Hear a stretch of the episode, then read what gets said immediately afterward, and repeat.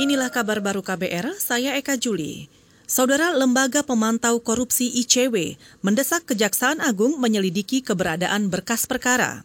Sebelumnya, Kejagung menyatakan berkas-berkas perkara aman pasca kebakaran pada Sabtu malam itu. Peneliti ICW Kurnia Ramadana mengatakan wajar kalau publik mengaitkan kebakaran dengan perkara yang ditangani. Kejaksaan Agung tidak bisa dihentikan.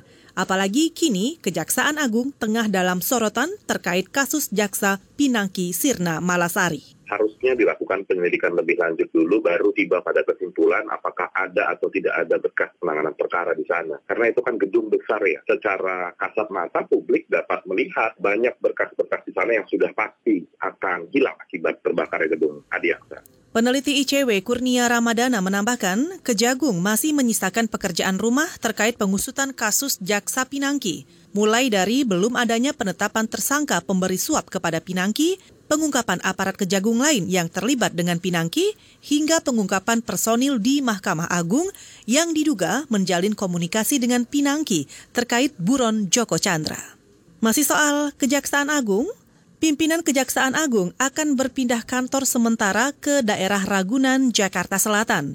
Juru bicara Kejaksaan Agung Hari Setiono mengatakan perpindahan akan dimulai pada Senin ini hingga waktu yang belum ditentukan. Jadi yang berkantor di kampus A Badan Diklat Ragunan itu adalah Pak Jaksa Agung, Pak Wakil Jaksa Agung, Jaksa Agung Muda Pembinaan, beserta staf.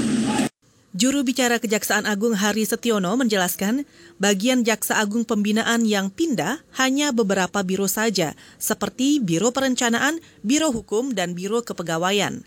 Selain itu, bagian lain yang ikut berpindah kantor adalah Jaksa Agung Muda Intelijen beserta para stafnya. Mereka akan berkantor sementara di Badan Diklat Kejaksaan di daerah Ceger, Jakarta Timur.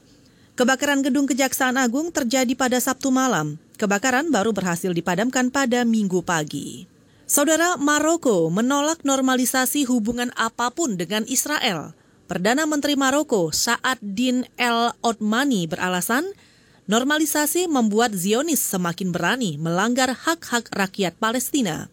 Pernyataan itu muncul menjelang kedatangan Jared Kushner, penasehat senior Amerika Serikat, sekaligus menantu Presiden Donald Trump. Sebelumnya, Uni Emirat Arab membuat kesepakatan normalisasi hubungan dengan Israel. Kesepakatan yang diperantarai Amerika itu menuai kecaman dan dianggap pengkhianatan terhadap Palestina. Uni Emirat Arab beralasan hubungan itu untuk kepentingan kemanusiaan.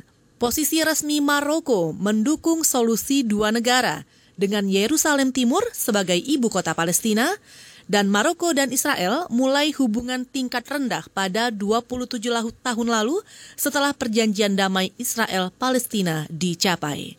Saudara demikian kabar baru, saya Eka Juli.